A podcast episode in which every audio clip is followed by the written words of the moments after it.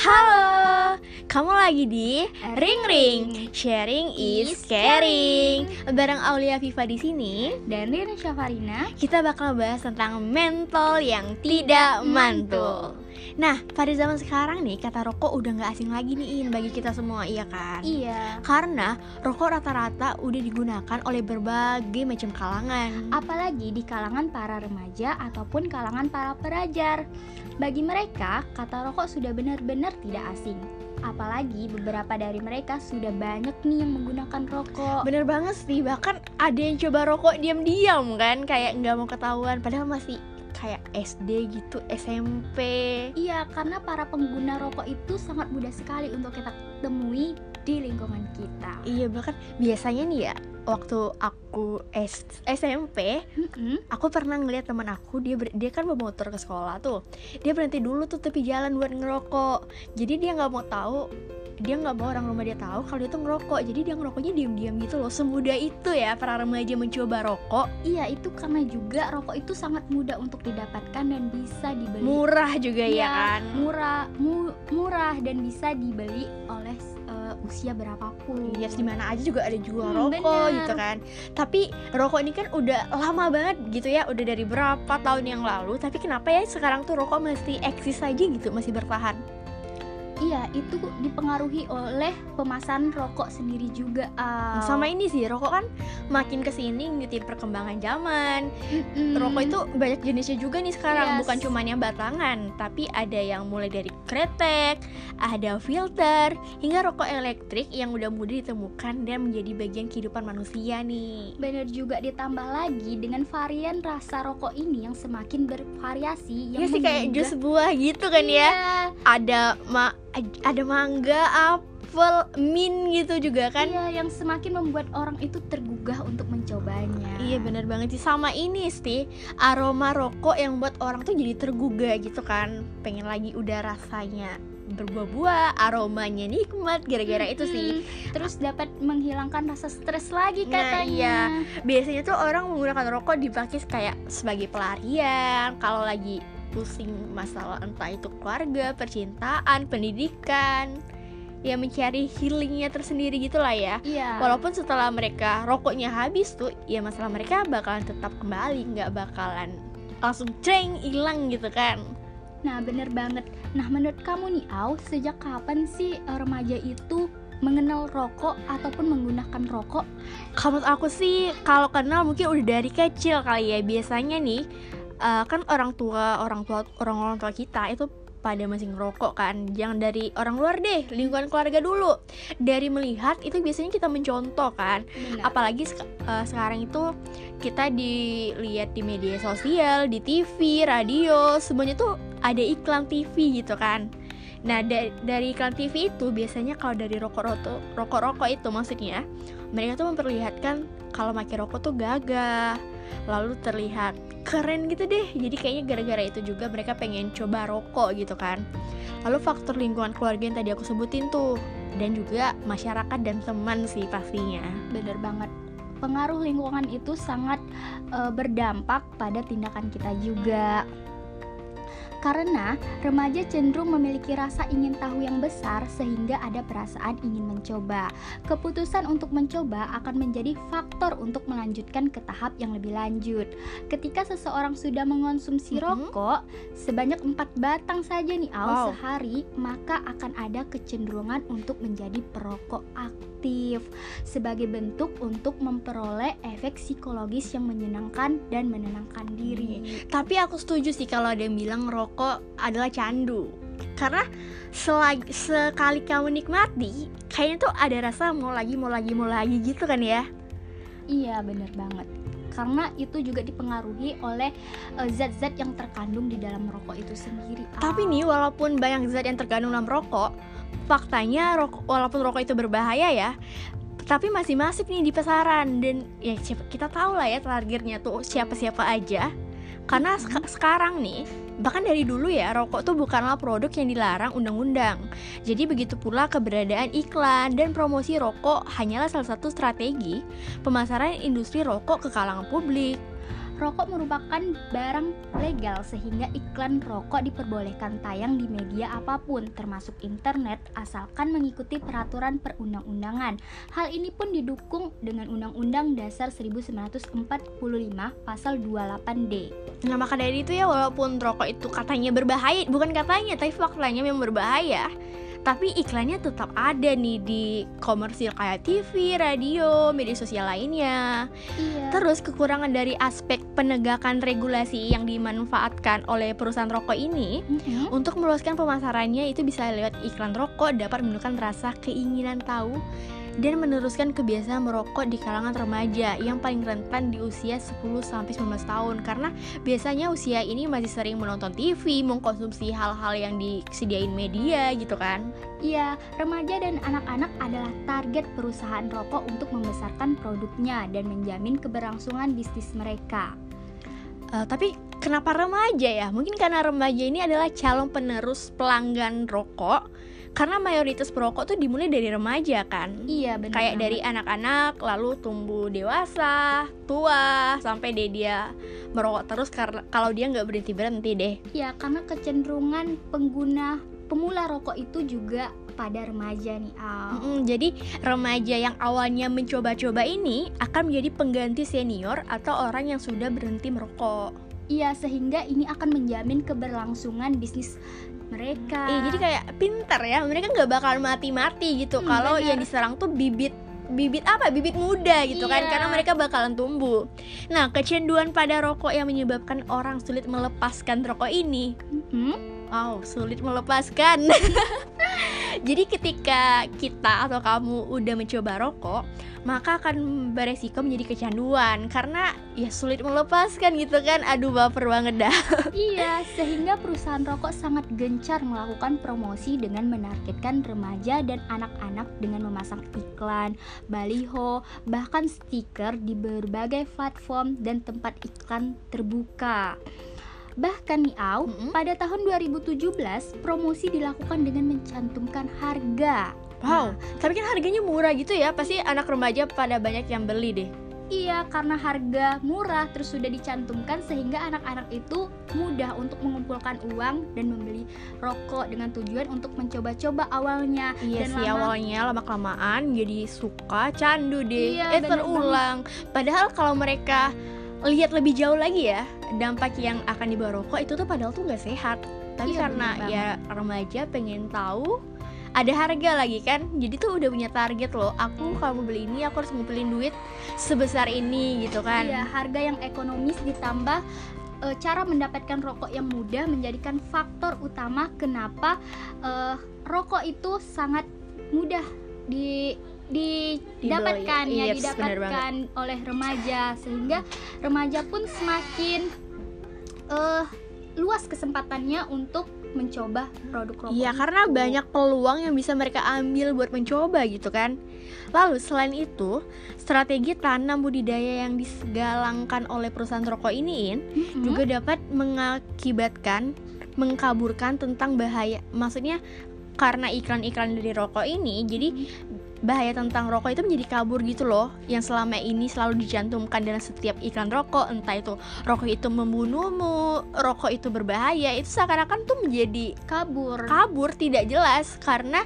dibalik iklan-iklan yang ditawarkan dari produk rokok tersebut Iya. karena kan para eh, para perusahaan rokok ini pasti membentuk citra baik di kalangan masyarakat nih seperti sponsor yang dibalut dengan konser musik Mm-mm. atau juga kegiatan olahraga yang akan membuat pemasaran rokok juga didukung. Iya benar banget. Ditambah lagi nih Au, iklan rokok sudah masuk ke dunia e-komersial di televisi, platform dalam bentuk audiovisual yang dikemas semenarik mungkin. Kamu pernah nggak sih lihat iklan rokok di televisi? Eh, pernah sih, tapi aku semakin ke sini ya, aku lihat iklan rokok televisi itu semakin kreatif ya. Mereka tuh nggak melihatkan ini loh gaya keren ngerokok, ini loh keren yang ngerokok, tapi itu mereka lebih kayak nge-branding kalau ngerokok itu misalnya nih Mm-mm. rokok A, mereka membranding kalau rokok ini tuh jiwa petualang. Iya, itu adalah eh, suatu hal untuk mengubah persepsi dan opini orang lain tentang bahaya merokok nih Au. Iya kan jadi orang mikir kayak kalau aku ngerokok aku keren nih kayak dia Hmm, aku juga banget. petualang makanya aku ngerokok padahal itu hal yang belum tentu benar kan Ya, karena itu hanyalah sebuah strategi pemasaran dari produk rokok. Bener banget, jadi pesan-pesan yang disampaikan pada iklan di media dapat membranding pendengar tanpa sadar seolah-olah menyatakan bahwa perokok itu nggak membahayakan loh. Hal inilah yang dapat mengaruhi tindakan masyarakat kamu juga nih untuk tetap ingin mencoba merokok. Walaupun sudah ditampilkan dampak dan bahaya yang ditimbulkan dari merokok dan sangat buruk bagi kesehatan karena branding tadi tuh jadi semua mindset orang juga berubah. Nah, bener banget. Untuk itu, kita juga akan membagikan tips kepada teman-teman cara mengurangi atau eh, agar terhindar dari konsumsi rokok. Iya, karena tadi seperti yang udah kita bahas, eh, jadi tuh agak manipulatif gitu ya di balik Mm-mm. iklan-iklan yang kamu mungkin bilang keren, pengen jadi petualang, pengen maskulin kayak gitu. Padahal tuh itu semua berbahaya, tapi semua kebahayaan itu menjadi kabur nih. Makanya kita mau bagiin bagaimana kamu bisa mengurangi konsumsi rokok. Walaupun perokok menyatakan bahwa merokok dapat mengurangi stres nih, In. Mm-mm. Namun kenyataannya berhenti merokok lebih efektif mengurangi stres loh. Iya, karena terkadang para perokok itu akan memprioritaskan rokok dan itu akan mendominasi pengeluaran. Aw. Eh, iya benar banget sih. Jadi kalau bayangin aja nih, misalnya kamu perokok aktif, Mm-mm. satu hari kamu ngabisin rokok berapa ya? Satu bungkus. Satu bungkus deh, anggap aja satu bungkus Iya. berapa sih ya? dua puluh ribu. Dua puluh ribu. Satu hari kamu dua puluh ribu, dua hari tiga puluh hari, udah berapa yang kamu keluarin? Iya. Nah, kalau kamu lakuin hal lain itu kan bisa jadi lebih bermanfaat kayak entah kamu traveling ke membahas membahas nih maksudnya mengasah hobi kamu dengan uang itu. Iya, aku pernah baca itu ada kisah orang yang niat untuk eh, berhenti rokok, terus dia mengumpulkan uang setiap hari, uang untuk dia beli rokok itu ditabungnya, akhirnya dia bisa eh, beli rumah nih. Nah, Ah. kan jadi keren banget kan? Mm-mm. Tapi yang pertama adalah niat sih. Niat is number one. Iya, Karena bener tanpa niat semuanya impossible gitu loh. Betul. Jadi, yang pertama kamu harus menyibukkan diri dengan hal yang positif agar kamu tidak ingat lagi untuk merokok. Ah, ah, atau biar kamu lupa, aku udah ngerokok belum ya hari ini. Jadi kayak hari berlalu begitu aja gitu kan, Iya, karena kamu bener. sibuk. Lalu kamu juga bisa menyibukkan diri saat ingin ngerokok. Misal nih, aduh mulut gatel nih belum belum rokok hari ini. Mm-mm. Ya udah coba aja kayak aku udah ngerjain tugas belum ya? Aku udah jemput pacar belum ya? Kalau punya pacar nih siapa tahu pengen ngebucin gitu kan? Atau mm-mm, aku nongkrong. nongkrong eh aku udah aku udah nongkrong sama circle yang ini belum ya siapa tahu kamu anak selebgram yang punya banyak circle gitu kan kamu juga bisa em, apa lagi ya menghindari lingkungan perokok karena lingkungan itu sangat memberi dampak bagi tindakan kita. Nah, maka dari itu bukan maksudnya menjauhi orang merokok ya, tapi lebih cenderung untuk tidak eh, terlalu terlibat dalam lingkungan orang-orang yang perokok aktif. iya jadi tuh kayak teman itu cerminan gitu loh bukan cerminan tapi teman tuh kayak misal nih Mm-mm. kamu lagi aku nemenin kamu nemenin aku deh belanja kamu tuh bisa juga terlibat ikut belanja Iya bener banget. jadi Apa ya? kayak ada secara nggak sengaja keikut gitu loh jadi Mm-mm. daripada tidak sengaja terikut lebih baik menjauh sebentar gitu kan Iya. bukan bermaksud sombong tapi ini lebih kayak mendukung Menghindari, niat gitu iya, kan benar. mendukung niat lalu kamu juga bisa memotivasi diri menghindar rokok atau menyadarkan diri kamu ini tentang akan bahayanya rokok jadi yakinlah bahwa rokok bukan sarana pergaulan bener. karena dengan tidak merokok juga bisa banyak teman kok kayak kita. Kita nggak ngerokok kan ya? Iya. teman kita juga banyak. Dan kamu jangan kayak aku nanti aku berhenti ngerokok teman aku bakalan hilang deh. No. Kalau dia memang teman kamu kamu ngerokok kayak kamu bakalan nggak ngerokok dia nggak bakalan ninggalin kamu Ya bener lah, bener juga tuh Au. Dan juga eh, dengan kita tidak merokok maka kualitas kesehatan kita akan semakin meningkat. Iya bukan bukan hanya kualitas pertemanan ya, tapi kuali maksud kualitas pertemanan di sini adalah kalau kita sama-sama teman nggak sama-sama ngerokok, Mm-mm. jadi circle pertemanan kita juga bakalan sehat nih. Iya, Karena kan seperti yang kita tahu perokok itu ada perokok aktif dan perokok pasif. Nah saat ada di circle kita satu orang aja nih ngerokok, Mm, Nah semua kan semuanya bakalan kena asap dan asap yang dan orang-orang yang terkena asap ini juga bisa dikatakan sebagai perokok pasif. Iya, dan bahkan tuh Au katanya nih, asap itu cenderung lebih berbahaya karena tidak terfilter. Nah jadi kayak walaupun kamu bilang satu orang aja kok yang ngerokok ya itu tetap berbahaya karena ya tadi bilang kamu bisa jadi perokok aktif dan perokok pasif. Ya, maka dari itu kita semua hindarilah untuk merokok. Iya saling menjaga Iya, karena merokok tidak hanya membunuh diri kita sendiri, tapi juga orang orang-orang di sekitar Bahkan kita. orang yang paling kamu sayangi itu juga beresiko buat terjerat loh. Mm-mm, Lalu tips berikutnya adalah kamu bisa menghindari stres. Alasan orang merokok tuh biasanya apa sih? Karena pusing, stres, galau, Gagana. broken heart gitu kan. Jadi kayak kamu hindari stres walaupun tanpa kita hindari stres bakalan datang sih ya. Bener. Kayak setiap hari ada aja masalah gitu. Biasa nih bangun tidur masalah gitu kan. Mm-mm, bener. Mau bangun tapi mager. Jadi tuh dari kita buka mata, masalah tuh udah hadir. Iya, tapi kita punya banyak alternatif untuk menghibur stres kita nih. Al. Iya, misalnya dengerin lagu, Mm-mm. cari healing atau baca-bacaan yang genre kamu suka. gitu. Atau lihat quotes-quotes di Instagram, Hmm, atau olahraga. eh, olahraga yang sehat, atau lihat cuitan Twitter yang lucu-lucu gitu loh. kan banyak tuh kan ya setiap hari katanya warga Twitter tuh kocak-kocak gitu loh. Iya. Itu bisa dicoba tuh teman-teman. Lalu yang terakhir adalah Memperbanyak mencari informasi tentang bahaya rokok. Nah, kalau kita udah tahu nih eh, bahaya-bahaya rokok, maka ada timbul eh, rasa ketakutan sehingga itu akan menghentikan tindakan kita untuk mencoba eh, mengonsumsi rokok kembali. Dengan banyak pendapat informasi tentang bahaya rokok, maka dapat meningkatkan kesadaran untuk tidak Oh, merokok. benar banget sih. Jadi kan kalau kita mau berhenti, kita nih Mhm. harus tahu dulu kenapa the reason why kita memang harus berhenti. Percuma aja misalnya aku bilang, eh berhenti dong, nggak sehat. Kamu nggak bakal berhenti kalau dari dasarnya diri kamu nggak sadar nih.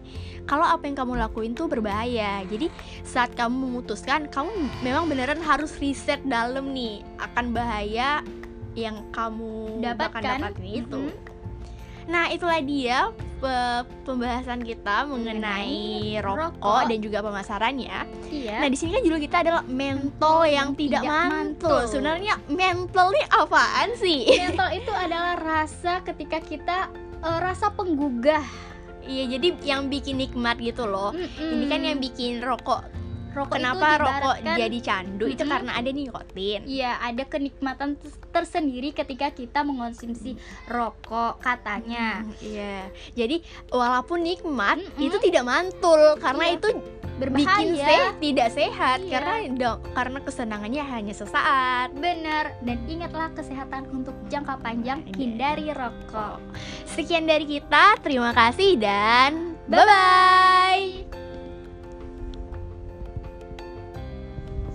ini sudah alat